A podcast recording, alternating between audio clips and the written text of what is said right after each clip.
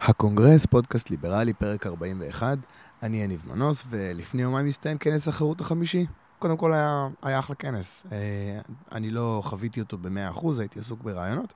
אה, הרבה שיחות שאתם הולכים לשמוע בשבועות הקרובים, אבל אה, היה vibe טוב בכנס. וזה החל מהבוקר עם הפגנת הביצים של רפי דיין, שהמשטרה סגרה, דיברתי איתו וגם צילמתי שם קצת. מי ששומע את הפודקאסט ביוטיוב יוכל לראות גם וידאו שצילמתי שם. אחר כך דיברתי עם ליבי מולד, שרצה בפריימריז בזהות ורוצה של... כל אחד תהיה הזדמנות לחינוך המונטסורי, שגם עליו דיברנו. בכלל, שתהיה בחירה כמובן להורים, איך לחנך את הילדים שלהם. דיברתי עם ערן ברטל מישראל היום ועל השינוי שהוא מוביל שם, עם אדם רוסו, פעיל בזהות, ועם ירון לרמן, שהיה פעם מאוד פעיל בתנועה הליברלית החדשה ובעלי ירוק, והיום הוריד קצת פרופיל. דיברתי איתו על זה.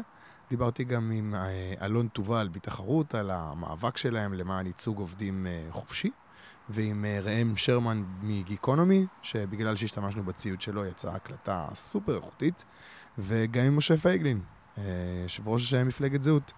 בסוף, בסוף דיברתי גם עם רותם סלע מהוצאת סלע מאיר, אבל ההקלטה נקטעה לצערי בגלל תקלה, והרעיון איתו לא הוקלט, וחבל שזה היה מאוד מעניין, אה, אבל אני ראיין אותו בנפרד. יש לו כמה תובנות אה, מאוד מעניינות, מין אה, אופטימיות כזאת על תרבות ועל מה צריך לעשות כדי לשנות דברים. ופגשתי גם אתכם, מאזינים. היה את, אם אני לא טועה, יובל. הוא שאל אותי למה אין בכנס מספיק בנות. צודק, עדיין אין מספיק בנות בכנס. אה, ואת אתר שרוצה להתחיל אה, פודקאסט משלו, הולך על זה אתר. ואת מיכאל אה, וסתיו מסטודנטים למען חירות בבאר שבע. סתיו רוצה שנעלה גם בסאונד קלאוד. sorry, סתיו, זה עולה יותר מדי כסף. אולי יום אחד כשיהיו לפודקאסט ספונסרים או תורמים. זה יקרה, אה, והיה כיף, היה ממש כיף. זה היה יום מתיש ומאוד כיפי, ובשבועות הקרובים, כאמור, כל אה, שבוע אני אשחרר לכם עוד חלק מהיום הזה, אה, ראיונות. יכול להיות ששבוע הבא יותר מפרק אחד. זה יהיה special בכמה חלקים, ובגלל שבראיונות האלה העיסוק באקטואליה מטבע הדברים הוא מועט, אז לפני כל פרק אני אתן כמה הערות על דברים שקרו השבוע, אם יהיה לי מה להגיד על מה שקרה השבוע. ומה שקרה השבוע, יש לי הערה אחת, וזה על דונלד טראמפ, שהעניש את מדינות העולם במכסים גבוהים על יבוא סחורות לארצות הברית, פלדה ואלומיניום. בסוגריים, מי שיענש על צעד כזה זה בעיקר האמריקאים, אם קורה צעד כזה. אה, והשבוע קראנו שסין וארצות הברית מנהלות משא ומתן על שינויים במדיניות הסחר, וכמה אנשים קמו ואמרו, אה, הנה אתם רואים, טראמפ הממזר הזה שיחק אותה, הוא בעצם כן בעד קפיטליזם, וזה בסך הכל הייתה טקטיקה לשפר את המצב. אה, איום שנועד אה, בעצם להגיע למצב ששווקים יהיו חופשיים יותר. אבל אז ביום רביעי אנחנו קוראים שטראמפ מתכנן להכריז מלחמה גם על אמזון. זאת אומרת, לשנות את מדיניות המיסוי כלפיה. הוא מודאג מהפגיעה של אמזון בחנויות משפחתיות קטנות, כאחרון המייקל מורים. ואמיר שני כתב בסרקסטיות שלא לדאוג, זו אסטרטגיית משא ומתן כדי להכריח את אמזון להוריד מכסים. והוא קלע, יש משהו קצת מביך באפולוגטיקה הזו של תומכי טראמפ, שמתיימרים להציג אותו כאיזה קפיטליסט. אני לא חושב שטראמפ מקדם רעיונות של שוק חופשי, זה לא ה ticket שלו. כמובן שאני יכול לחשוב על מועמדים הרבה יותר גרועים. אין ויכוח למשל שברני סנדרס יעשה הרבה יותר נזק, אבל כדאי מאוד להנמיך ציפיות גם ממה שהוא יעשה בזמן הקרוב. כנראה שזה ימשיך להיות אה, מין כזה mixed bag של הורדת מס חברות אה, מצד אחד, פרוטקציוניזם פופוליסטי מצד שני, אין מה לעשות, זה טראמפ. ולא כדאי להתייחס אליו כקפיטליסט, אבל מצד שני הוא רחוק מאוד מסוציאליזם, לפחות זה. ועכשיו, לחלק א' של ההקלטות שלנו מכנס החירות, היום אנחנו מדברים עם רפי דיין וליבי מולד. אה, מעכשיו, בכמה דקות הקרובות, ישולבו גם, ישולבו גם קטעי וידאו, אז מי שרוצה לראות ביוטיוב, הקונגרס, פרק 41, כנס החירות, חלק א', תהנו. אהלן רפי. שלום. אה, מה, מה הולך פה? למה, למה, זה הכל ביצים שלך? כן, למרות שיש לי רק שניים. אוקיי. אה, למה יש פה, יש פה, כמה ביצים יש פה? יש פה למעלה מעשרת אלפים ביצים, שהלול שלי מייצר כל יום אה, כמה מאות טובות של ביצי חופש אורגניות, טובות, נהדרות, טעימות, בריאות. אבל אסור לי לשווק אותם. למה אסור לך לשווק אותם? כי לכאורה אה, אין לי מכסת ייצור ואין לי מספר מגדל. למרות שיש תקנות אה, שלפיהן אתה יכול לייצר ביצים, תקנות של מועצת הלול, והתקנות האלה מתפרסמות כל שנה בראשון לינואר, וקובעות כללים למי מותר לגדל ביצים, מי רשאי להגיש בקשה למכסת ייצור ביצים. אוקיי. והשנה, בין הראשון אה, לינואר לרביעי לינואר, לא היו תקנות, כי התקנות מתחדשות כל שנה בראשון לינואר. בין הראשון לרביעי שר החקלאות שלנו לא חתם על התקנות, והיו ארבעה ימים שמותר היה גם לנסוע על 200 קמ"ש בכביש החוף. ועכשיו באים אליי, אחרי הארבעה ימים האלה, ואומרים לי, למה נסעת לפני שלושה ימים על 200 קמ"ש בכביש החוף? אבל לא היה חוק לפני שלושה ימים, יכולת לנסוע על 200, 240, 180. וזה מה שקרה פה. אני הכנסתי את התרנגולות ללול שלי בימים שלא היו תקנות במדינת ישראל. ברביעי לחודש פורסמו התקנות, אני מיוזמתי פניתי למועצת הלול, אמרתי להם, אה, אכלסתי לול ב-500 תרנגולות בימים שלא היה תקנות בתוקף, בתוקף, לא היו תקנות בתוקף, ועכשיו אני רוצה היתר שיווק של הביצים, זה נקרא מספר מגדל. למחרת הגיע אליי פקח עם צו השמדה לעופות שלי. והתחיל דין ודברים עם uh, מועצת הייצור. השמדה? מה, השמדה. מה הם רצו, מה הם רצו שיקרה? להשמיד את העופות, להרוג אותם. מה זאת אומרת? במקום לשחוט את כל העופות? להרוג, באו אליי עם צו השמדה, כן. וואו, וזה הם היו עושים אותו שזה אתה היית צריך לא, לעשות? זה לא, זה לא, אני לא הייתי עושה את זה, בוודאי שאני לא הייתי עושה את זה. אוקיי. הם היו אומרים, יש להם חוליות השמדה. וואו. ומה, אה, אוקיי, ועכשיו... ומה שקרה, הגשנו בג"ץ נגד מועצת הלול. לא הגשנו בג"ץ נגד אה, מועצת הלול ומשרד החקלאות וקיבלנו צו מניעה. אה, מועצת הלול קיבלה צו מניעה שהיא לא יכולה להשמיד לנו את העופות עד לבירור העתירה. והצו הזה עדיין בתוקף, והעניין עומד ותלוי בפני בג"ץ, עכשיו זה הועבר לדיון בפני שלושה שופטים. קודם היה שופט יחיד. זאת אומרת, המצב כרגע... ואני לא ש... יכול לשווק את הביצים. אוקיי, מותר לך להחזיק את הלול, כן. מותר לך להביא את הביצים, נכון. אבל אתה לא יכול לעשות עם הביצים כלום. אי אפשר להרוג לי את העופות, נכון. אז ולכן מה? הבאנו היום ביצים, אוקיי. עם אה, מנשר שהצמדנו לכל תבנית ביצים, וכתבנו את כל הסיפור, נו. ואנחנו משאילים את הביצים לאנשים, כי אסור להם לאכול אותם, למרות שהן יותר בריאות ויותר טעימות ויותר טובות מכל ביצה שתמצא בסופרמרקט. יש אזהרה על זה שלא יאכלו את זה? יש אזהרה, כן, והן מופקדות בהשאלה לציבור. עד שיתברר הבג"ץ, אז יחזירו לי את הביצים או שיזרקו אותם לפח. מה עם פיקוח וטרינרי, דברים כאלה? הביצים שלי, אני, אין, אין, אין לי טעם להביא פיקוח וטרינרי, למרות שהן מפוקחות וטרינרית. יש לי וטרינר, דוקטור יוני אלקין, שהוא בא אליי ללול פעם בכמה ימים, ונותן לנו הנחיות אה, פיקוח כמו שצריך. הלול שלנו בריא מאוד, אין על זה ויכוח בכלל. עכשיו, אני ראיתי שאתם פרסתם פה איזשהו ניילון ענקי, עמדתם כן. לעשות יותר מחלוקת ביצים. רצינו, uh, הביצים שפג תוקף, שנצברו אצלי מעל 20 יום, שזה uh, הביצים האלה פה? הביצים שם בתבניות הרגילות של ה-30 ביצה. זה לא לאכול. לא, לא לאכול, זה ביצי פג תוקף. אותם רצינו uh, לשבור פה על, ה, על המיצג של uh, המועצה לענף הלול. אנחנו נעשה את זה במקום אחר. אוקיי, רפי, בהצלחה. תודה רבה. מגניב. ואני יושב עם ליבי מולד. אהלן ליבי. אהלן. אה, אוקיי, אוקיי, אנחנו פה... רציתי להתחיל עם השאלות וזה, אבל אולי נדבר על מה שקורה פה עכשיו. אנחנו בעצם יושבים פה בחוץ, היה אמור להיות פה איזה מיצג במסגרת המאבק של רפי דיין אה, כדי, אני יודע, לסגור את מועצת הלול, או לפחות לבטל את העניין הזה של, אה, של המכסות. של הקוטות. היה כן. פה איזה מיצג. ובאה המשטרה? כן, ובאה המשטרה וזרקה, וסגרה. זהו, סגרו אותך? סגרו אותך? לא להאמין. הם באו שוטר, אני שמעתי את רגע, זה בסדר שאני אחזיק את המיקרופון קרוב אלייך? רגע, לא, לא, אני באמצע שיחה איתה, אז פשוט תגידי לי, סגרו הכל פה? כן, אמרו לנו להתקפל, הם רוצים... אה, אה, אני שמעתי את השוטר, דרך אגב, הוא אמר שמעל 50 איש צריך רישיון. אוקיי, אבל... אבל זה היה בתיאום עם המשטרה? ואפילו שזה היה... זה לא היה בתיאום עם הנהלת הנמל. הבנתי. אוקיי. אה, ביזיון, אבל בואו נחזור למה שרציתי לשאול אותך. ליבי, אני רוצה לשאול אותך על זהות. על הפריימריז בזהות. אני רוצה שתספרי לי איך הגעת למצב שאת מתמודדת על מקום הפריימריז בזהות? כן. מתי זה אגב? אנחנו עוד לא יודעים, אנחנו חושבים שזה יהיה בסביבות אוקטובר 2018. הרעיון הוא שצריך אה, לפחות 85 ימים לפני הבחירות, וכיוון שכשיכריזו בחירות אז לא בטוח שיהיו 85 ימים, mm-hmm. אז יכול להיות שאנחנו נעשה את זה בכל מקרה באוקטובר 2018. ואיך הגעתי לזה? הגעתי לזה דרך כן. הפעילות שלי בתנועה הליברלית. כי זהות בעצם היא המפלגה היחידה ש...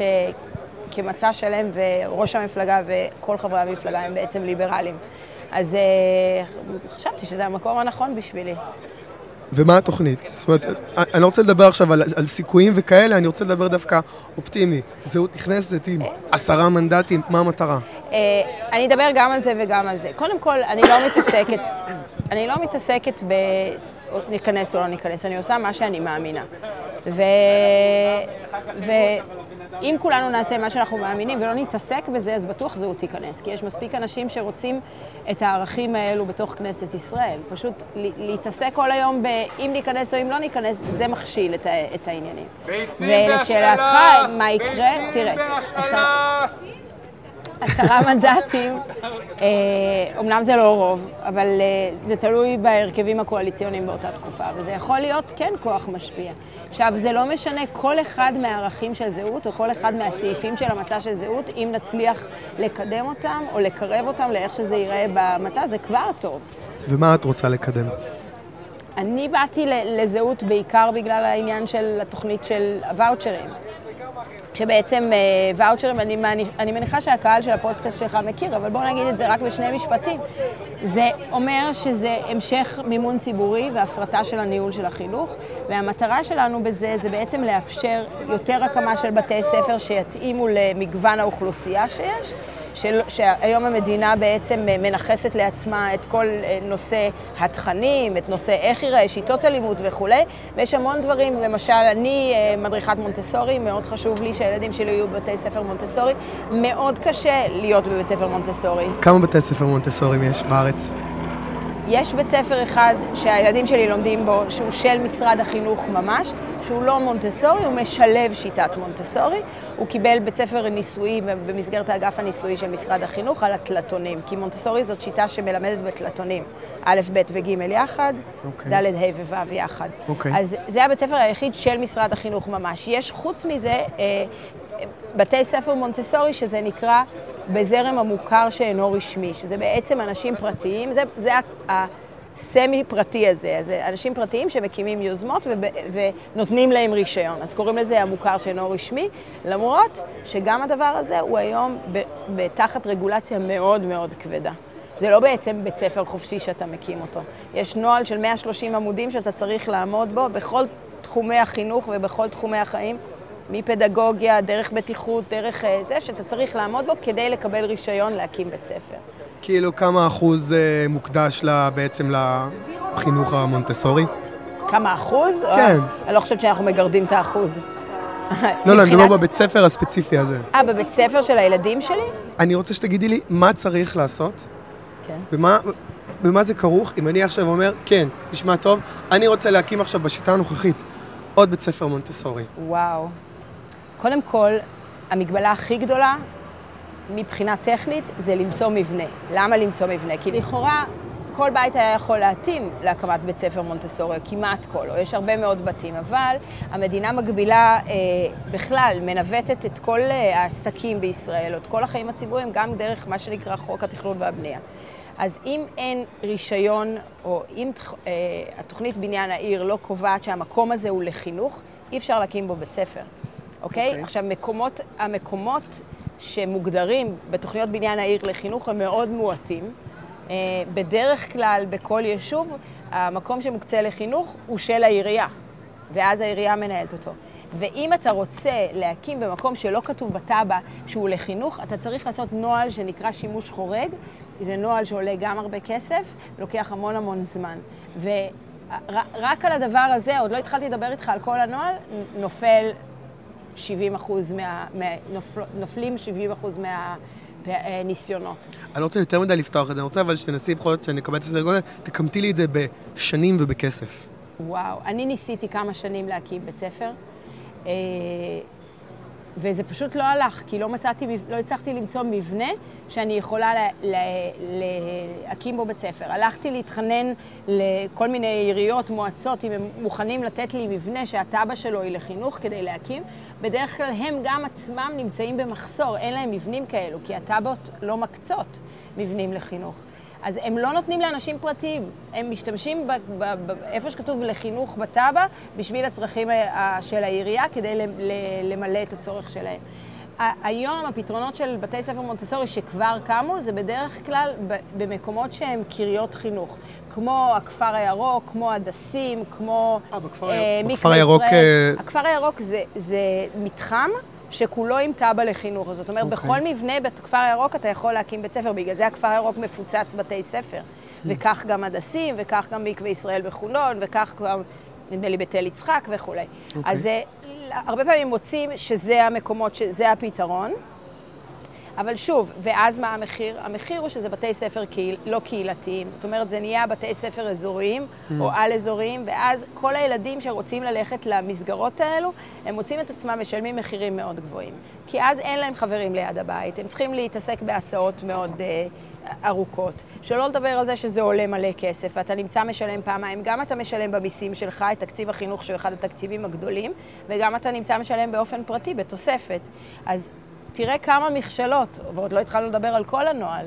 אוקיי, אני, אני חושב שהעברת נקודה שזה קשה. מאוד. עכשיו אני רוצה ככה קצת, אה, אני, אני זוכר פשוט שהייתי, אני לא זוכר אם זה היה לפני שני כנסים, או, או אפילו שלושה. הייתה לך הרצאה פה על החינוך, ואני לא ממש נכנסתי לקטע הזה, אבל דבר אחד זכרתי ואני מיישם, וזה כאילו עכשיו עם הילדה, הצעצועים בגובה שלה. כן. זאת אומרת, מדף בגובה שהיא תוכל לבד לקחת את הצעצועים משם. זה כן. עדיין, אני זוכר שאמרת גם שלושה, ארבעה פריטים, אני כל הזמן נכון. מנסה להוריד, להוריד, נכון, להוריד, צמצום. ואשתי כל הזמן דוחפת לשם עוד ועוד ועוד ועוד. נכון, כי זה מאוד מלחמה. קשה ומאתגר. אני אגיד לך, מה שהייתה הרצאה... ספרי לי משהו כאן- על השיטה באופן כן, כללי, מה זה? זאת הייתה הרצאה אה, איך לסדר בעצם את הבית. אה, בהתאם לעקרונות שיטת מונטסורי. שיטת מונטסורי יש לה הרבה מאוד עקרונות, אבל בעיקרון היא מנסה להתאים את החינוך לצורכי הילד. אה, גם, ב, גם בבית ספר וגם בבית. אז למשל, בבית, כדי שילד, אם אנחנו רוצים שהוא יהיה עצמאי, כדי שאנחנו רוצים שהוא י, י, אה, יהיה רגוע, שיהיה לו נעים וכולי, אז אנחנו צריכים לסד, לסדר לו את הסביבה, שתהיה אסתטית, שתהיה מסודרת, שתהיה... שהוא יוכל לראות בין, למה צמצום? כדי, אם יש לך הרמה מאוד גדולה, זה לא נגיש לך, אתה לא יכול, במיוחד ילד שהיכולות המוטוריות שלו הן אה, עדיין לא מפותחות כמו יכולות מוטוריות של אה, מבוגר. אה, וכמובן בגובה שלו ושמתאים למשקל שהוא יכול להתעסק בו וכולי. אבל בכלל, מונטסורי עסוקה בכל הזמן בחנוך לנהר על פי דרכו. זאת אומרת שכל תוכניות הלימוד הן אינדיבידואליות, הן מותאמות לצורך של הילד וליכולות של הילד. זאת אומרת, ילד יכול להיות מאוד מתקדם בחשבון, ובכלל לא מתקדם בשפה, נניח הוא עולה חדש, אוקיי? אז הוא יעבוד ב- לבד, באופן אינדיבידואלי, פה בחומרים של שפה במקום אה, מאוד אה, ראשוני או לא מפותח, ובחשבון הוא יהיה במקום מאוד מאוד מתקדם. וזה מה שיפה, כי בבית ספר רגיל, היום השיטה היא שכולם צריכים להיות, מה שנקרא, באותו עמוד. ליטרלי, באותו עמוד, בכל המקצועות שלהם. אגב, ו- לך חם? אני עברתי פה שנייה לצל, כי אה, ממש כן, חם לי. את בסדר? אני- אה, חם לי, אבל אני יכולה... אוקיי. כן. אז, אה, אז בעצם בשיטה הרגילה, מה עושים? לוקחים 30 ילד או 20 ילד, שכל אחד בא ממשפחה אחרת, עם יכולות אחרות, עם רקע אחר, ומכריחים אותם לעשות הכל אותו דבר. זה לא עובד. אחד הוא חכם אה, יותר, או לא להגיד חכם יותר, הוא מתקדם יותר בחשבון, ואחד הוא, אה, אה, אה, הוא פחות. אז הם אמורים להיות באותו עמוד, אז זה ישתעמם, וזה ירגיש מתוסכל שהוא לא מצליח. מה עושה שיטת מונטסורי? היא פשוט עושה דפי מעקב ועוקבת כל אחד על הרמה שלו בכל תחום. זה עובד נהדר, זה נשמע אולי ככה עכשיו כשמדברים על יש זה, איך ביקוש? אפשר... מה? אני אשאל, יש ביקוש? אין סופי כמעט. כמה על כל מקום? זאת אומרת, לא, כמה מקומות יש בארץ וכמה מתחרים על בבית זה? ספר שלנו, נו. זה פשוט טרגי. אנשים צובעים על הדלתות, כמה מקומות? בוכים. אני חושבת שבבית ספר יש, אה, נדמה לי, אל תתפוס אותי במילה, 450 מקומות. יש לדעתי כל שנה דוחים עוד איזה 400 שלא מקבלים אותם. איזה זה נורא. טרגדיה. זה פשוט טרגדיה, כי, כי הבית ספר הוא מקסים, הוא, הוא, הוא נכס, בגלל הרבה דברים, אבל בעיקר בגלל איך שמלמדים ואיך שמתייחסים אה, לילדים. והמון המון הורים רוצים את זה, ולא רק לבית ספר הזה, לבתי ספר אחרים גם כן.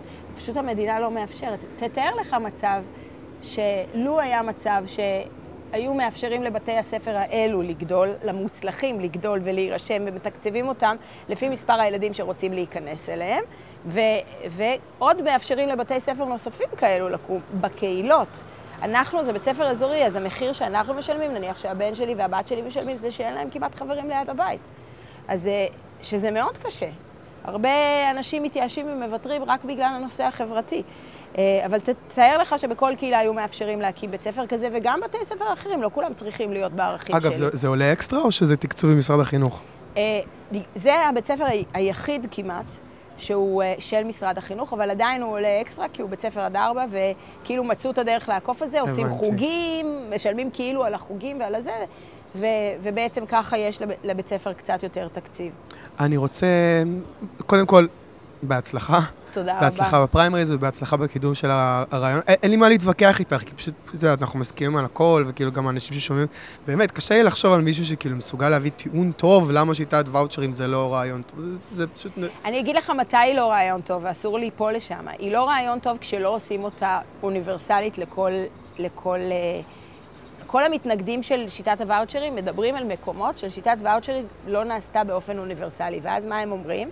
הם אומרים, אתה נותן רק ואוצ'ר רק לחלק מהאוכלוסייה, אז אתה גונב או סטודנטים טובים, או שזה, מבתי ספר, ו- ויוצר בלאגן. לא, לא ייכנס לכל הפירוט. כשהשיטה היא אוניברסלית, וזה מה שאנחנו רוצים לקדם, ש- שכולם יעבדו על השיטה הזאת, אז בעצם אתה מנטרל את הבעיה הזאת. ו... אבל זאת הביקורת העיקרית נגד שיטת ואוצ'רים. אני רוצה לסגור את העניין של הפריימריז ולשאול אותך שאלה אישית. את באופן, זה פשוט משהו שאני שואל כמעט כל uh, מרואיין, איך את הגעת לעניין הזה של, אני אקרא לזה לקדם אג'נדה ליברלית? זאת אומרת, זה משהו שהבאת מהבית, קראת. איזה ספר והתקלקלת. כן, קראתי איזה ספר והתקלקלתי בדיוק. אוקיי. בכיתה י', אני חייבת להגיד את זה כי זה יושב עליי הרבה שנים. נו. הייתה לי מורה שקראו לה שרה פרידלנד. אני מתה לפגוש אותה שוב, היא עשתה כל כך, זה, היא שינתה לי את החיים. היא היא הייתה המורה שלי לאנגלית, אה, ואני באתי מבית, אימא שלי עיראקית, אבא שלי אשכנזי, לא ידעתי אנגלית. וכשהתחלנו את התיכון, נורא ביקשתי לעלות לשש יחידות אנגלית. ו... ואז הסכימו להעלות אותי, כי הייתי תלמידה מאוד טובה בשאר הדברים, ועבדתי מאוד קשה באנגלית. מאוד מאוד מאוד קשה, ואני זוכרת שהציונים שלי בהתחלה היו נמוכים, לא משנה שבסוף סיימתי ב-95 שש יחידות, אבל בהתחלה, אני חושבת, בכיתה ט' היה לי 75, שזה לא היה ציון שאני רגילה, ועבדתי נורא קשה. והפרס שלי היה שבכיתה י' היא נתנה לנו לקרוא את המעיין המתגבר באנגלית. או-אה. עכשיו, כן, זה כשהתקדמנו כבר, בכיתה י' או בכיתה י"א. ואז קראתי את המעיין המתגבר באנגלית, וכמובן, כמו, כמו הרבה אנשים שיספרו לך, זה פשוט שינה לי את החיים. אה, אני זוכרת את החוויה הראשונית של לקרוא את זה עם המילון, כי לא ידעתי עוד מספיק טוב אנגלית. עכשיו, האנגלית של איין רנד היא אנגלית נורא ברורה. אחד הדברים נורא, שנורא כיף לקרוא אותה באנגלית, היא לא מסובכת, היא לא כותבת משפטים ארוכים ומורכבים. היא כותבת בצורה, אמנם אולי בשפה, במשלב גבוה, אבל מבנה המשפטים והדרך שהיא כותבת היא יחסית פשוטה. וזה היה, זה פשוט היה, פתח לי את העיניים. אה, כל מישהו שהוא אוהב את איין רנד יגיד לך שזה היה בו לפני זה, אני לא יודעת כמה, אני לא זוכרת מה הייתי בגיל 13 ובגיל 12, אבל מאז בעצם קראתי את כל הספרים של איין רנד, וחשבתי שאני לבד בעולם, אה, כמו הרבה שספרו לך, הרבה ליברלים עד... עד התקופה של התנועה הליברלית החדשה, שגילינו כן. אחד את השני. כן. אבל, אה, ואז באחד הספרים הייתה גלויה, ובתוך הגלויה היה כתוב אה, לכל אה, מדינה איך אתה יכול ליצור קשר עם מישהו שהוא גם כן מתעסק בפילוסופיה של איין רנד. והיה כתוב את הטלפון של בועז ארד. וואלה. כן, ואז אה, זה היה, לא נעים לי להגיד, ממש מזמן, לא מגלה את הזה. אוקיי. וזהו, ואז צלצלתי אליו ובאתי אליו הביתה, והיה קצת מפגשים בנושא איין רנד, ופתאום גיליתי שיש עוד אנשים שאוהבים אותה. כן, הוא גיבש היה- קהילה קטנה כזאת. הייתה טרום. קהילה קטנה. כן. ולצערי גם היה כל מיני עניינים בתוך הקהילה הקטנה, כמו שיש עניינים כמו. היום, זה כן, תמיד ככה. כמו בתנועה הליברלית ובין כן. כל הזה, אז... אה, אה, אבל, אבל ככה זה קרה, ושמרנו על קשר, אה, על, על גחלת, כי לא היה לנו פעילות משותפת, אז, אז על גחלת יחסית נמוכה לאורך השנים. וכשעלי ירוק עשו, רצו לבחירות עם... עם הרשימה הליברלית, שזה בעצם היה. חבר'ה מתוך התנועה הליברלית, אז בועז התקשר אליי ושאל אותי אם אני רוצה להצטרף. וזה היה בדיוק אחרי שבעצם התחילה הפעילות של התנועה הליברלית ביתר שאת, ומאז אנחנו כבר... אה, כאילו מאז מבחינתך נכנסת להילוך גבוה. כי זה לא רק שאני נכנסתי להילוך גבוה, זה כל החבר'ה האלו נכנסו להילוך גבוה. כל הליברלים יצאו מאחורים והתאחדו אה, ונהיו חברים והתחילו לעשות פעילויות, ואני חושבת שאולי הדבר הכי טוב שקרה במחאה החברתית זה שהיא הוציאה אותנו כדי, למחאה חברתית אה, ליברלית נוגדת. כן. אז אה, מאז. פתאום קפץ לי, איזה נתח זה תופס לך מהחיים? זאת אומרת, אני מניח, יש לך דיי ג'וב, יש לך אה, עוד התעסקות, כמה נכון. ילדים יש לך? יש לי שני ילדים, בן ובת. אה, זה תופס לי את השבתות, כן. להכין הרצאות או להכין תכנים, זה תופס לי לפעמים אה, נסיעות, זה תופס לי עכשיו בגלל שאני פעילה בזהות, אז זה, זה תופס, אני לא יכולה להגיד את זה באחוזים, זה תופס לי את כל הלב והרבה מהזמן. אז מגניב. אה, כן. אוקיי, שנייה, אני רוצה לראות אם נשאר לי עוד משהו ראשון. אה, כן, אני רוצה דווקא כן, אה, דבר אחד אחרון לשאול. אני כן חוזר ל- לספקולציה. איזה, ל- לספקול, לספקולציה בקשר אה. לשיטת הוואוצ'רים.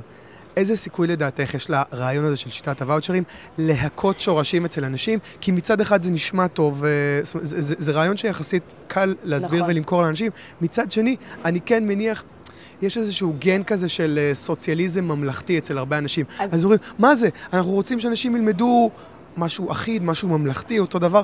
איך מתגברים על הטענה הזאת? אוקיי, אה, מניסיון של שיחות עם אה, כמה מחבריי הטובים ביותר, סוציאליסטים אה, אה, גדולים, אני חושבת שוואוצ'רים, בגלל שהמימון הוא עדיין מימון ממשלתי, הרי זה לא הפרטה טוטאלית של מערכת החינוך, כן. קל מאוד למכור את זה, כי הם מבינים כשמשחררים את השוק לתחרות, אז החינוך משתפר, וכולם סובלים בעצם מזה שמערכת החינוך בארץ קצת, אה, אה, אני לא רוצה להגיד מילים קשות, אבל שהיא לוקה בחסר. אז גם ההורים הכי סוציאליסטים, אני לא, הבעיה אני, לא, הפוליטית... אני לא מתווכח, אני לא מתווכח עם הטיעון של, אני חושב, אם- אם אני בא מההתנגדות, אה, מה, מהעיקרון הזה, אני אגיד, אוקיי, יכול להיות שהרמה תעלה, אבל תהיה פרגמנטציה, כל אחד ילמד משהו אחר. לא יהיה יותר חינוך ממלכתי. איפה הממלכתיות? אז אגיד, אה, אז כן, כמה דברים על זה. א', אוקיי, אז תהיה פרגמנטציה וכל אחד ילמד מה ש... ב- ב- בסופו של דבר, אנחנו חברה עם הרבה פלגים. יש אה, דתיים לאומיים, וחרדים, וחילונים, וערבים, ויהודים, וכל מיני. ואני חושבת שזה לגיטימי שכל אחד ירצה אה, לשים דגש על דברים אחרים בחינוך של הילדים שלו, הוא anyway יעשה את זה. זה לא שהוא לא יעשה את זה, פשוט הוא נמצא היום, עוד פעם, משלם פעמיים אם הוא ממש מתעקש על זה. אה, זה דבר אחד. אבל אני חושבת שמבחינה פוליטית, הקושי הגדול ביותר להעביר ואוצ'רים זה בגלל ארגוני העובדים או ארגוני המורים. זה ההתנגדות הכי גדולה מהניסיון הבינלאומי, דרך אגב. גם בארצות הברית, שניסו להעביר את זה. כי לכאורה, הוואוצ'רים זאת, דיברנו רק על אספקטים מסוימים, זאת רפורמה כוללת. כן. שלא ניתן יהיה לעשות אותה בצורה טובה אם לא יעשו את כל הסעיפים שלה. ואחד מהסעיפים שלה זה לשחרר את מוסד הקביעות. כי כדי לתת למנהלים חופש לנהל בצורה נכונה, אז צריכים לתת להם חופש לגייס מורים ולפטר מורים לפי הבנתם, אוקיי? אה, וזה גם שומר על האיכות שלהם כמובן, אה, על המוטיבציה שלהם וכולי וכולי. אין אז, ספק. אה, אז כשאתה נוגע בנושא הקביעות במדינת ישראל, זאת פרה קדושה. וזה מאוד מאוד יהיה קשה להעביר מבחינה פוליטית. אה, אני מקווה, אני רוצה לקוות שאנשים יבינו את התועלת הגדולה שבזה, ויש גם דרכים לפצות את המורים שהיום מסתמכים על הקביעות, שאני לא אכנס אליהם כרגע, אלא אם כן תרצה. אה, ואפשר לעשות את זה, it's doable. כל מה שב... אני תמיד אומרת, כמו איין רנד, שכל מה שהוא man-made, כל מה שאנחנו עשינו, אנחנו יכולים לשנות ואנחנו יכולים לשנות לטובה. צריכים פשוט לרצות את זה, וצריכים לייצר הסכמה אה, רחבה. זהו, אני חושב, כאילו, זה לא להילחם ישירות בארגוני מורים. אני חושב שפשוט ברגע שתהיה מסה קריטית של אנשים שיחשבו שזה רעיון טוב, את יודעת, כבר יבוא הפוליטיקאי שיבוא לגזור קופון על הלחץ הזה. אה, נכון. כמו שקורה כבר, בקטנה, עם נגיד שרן השכל. כאילו, עם המעט... אה, אז זה נכון באופן כללי, זאת אומרת, אה, אנחנו צריכים לגרום לפוליטיקאים שלנו שזה יהיה באינטרס שלהם להיות ליברליים, אוקיי? אם הם ידעו שאנחנו מה שנקרא, מה, מה פוליטיקאי רוצה להיבחר, ומה אחר כך הוא רוצה להמשיך להיבחר. אז אם הפוליטיקאי ידע שאנחנו נצביע לו, כי הוא יעשה תיזהרי, את גם הופכת לפוליטיקאית, כן? היי, אבל אני, אני מאוד רוצה שיצביעו לי רק בגלל הנושאים האלו. כן. אה, אם הוא ידע שאנחנו נצביע לו, אם הוא יהיה יותר ליברלי, יפעל יותר למען חירות, אז הוא יעשה את זה. וככל שאנחנו נחנך את הציבור ונראה להם למה זה טוב, אז הם ילחצו על הפוליטיקאים שלהם לעשות את זה. אני חושבת שהיום הפוליטיקאים הולכים שמאלה מבחינה חברתית ומבחינה כלכלית, כי הציבור בישראל חונך במשך עשורים רבים להיות שמאל כלכלי ושמאל אה, אה, חברתי. וזאת הייתה הפילוסופיה השלטת, ומה שאנחנו עושים פה בכנס ובכלל, אנחנו מנסים להראות למה זה טוב יותר חירות, למה זה טוב לנו, לפרטים, לכולנו יותר חירות. ואם אנחנו נשכנע הרבה אנשים, אז הם כבר ידאגו ללחוץ על הפוליטיקאים לעשות את זה, בעצם. אוקיי, ליבי. אז אה, תודה רבה. ו... תודה לך. תהני, ושגם אני אהנה מהכנס. כן, מגניב. אה, תודה. יש לך, יש לך LibTalk, נכון? כן. אה, וואי, אז אה, כן, אולי כדאי ש... אבל את- אתה לא תפרסם את זה לפני ה LibTalk, אז אין מה לפרסם את זה עכשיו. אה, לא, אה, את יכולה לספר לי, את יכולה לספר לי על מה את הולכת לדבר, כן. מקף דיברת. כן, אה, זה יהיה אחרי, אז עליו דיברתי, כן. אז קודם כל זה פאנל שאנחנו עושים אותו השנה בפעם הראשונה, אנחנו מקווים שזאת הת- התחלה של מסורת ארוכה. זה נקרא ליפטוק, זה, זה הרצאות בסגנון TED, כל הרצאה היא שבע דקות. מאוד מאתגר להרצות רק שבע דקות. כן. יש לנו שבעה מרצים. אה, אני ארצה שם ועוד שישה מרצים, אה, כל אחד על נושא אחר. בסימן הכנס, כיוון שהכנס הוא בסימן עסקים, אה, אז אנחנו, יש לנו שתי הרצאות בנושא ההסתדרות כמובן, כן. ו, וגם בנושאים אחרים, מגוונים. מרצים מהקהל שבאים לעשות את, ה, את, ה, את ההרצאות האלו. על מה את ארצי? אני ארצה על פסק דין רמי לוי נגד ההסתדרות, שבו, כן, זה פסק דין נוראי. פסק דין של בית הדין לעבודה בבאר שבע, שגזר על רמי לוי מיליון וחצי שקל קנס על זה שהוא פגע בהתאגדות העובדים. זה סיפור, זה בעיניי טרגי, לא בגלל רמי לוי, כמו בגלל מה שעושים למעסיקים בארץ, שזכויות הקניין שלהם הם תחת מתקפה. אני לא רוצה להיכנס לפרטים. אוקיי. אני אומר, כנסו לראות את ההרצאות. אני בטוח שבימים הקרובים תעקבו, בטוח יהיה איזשהו אה, אה, אה, תיעוד להרצאות האלה. מצלמים, נכון? הכל כן, מצולם. הכל מצולם. אז אה, תעקבו. כן. ליפטוק. מגניב, ליבי, תודה רבה. תודה לך.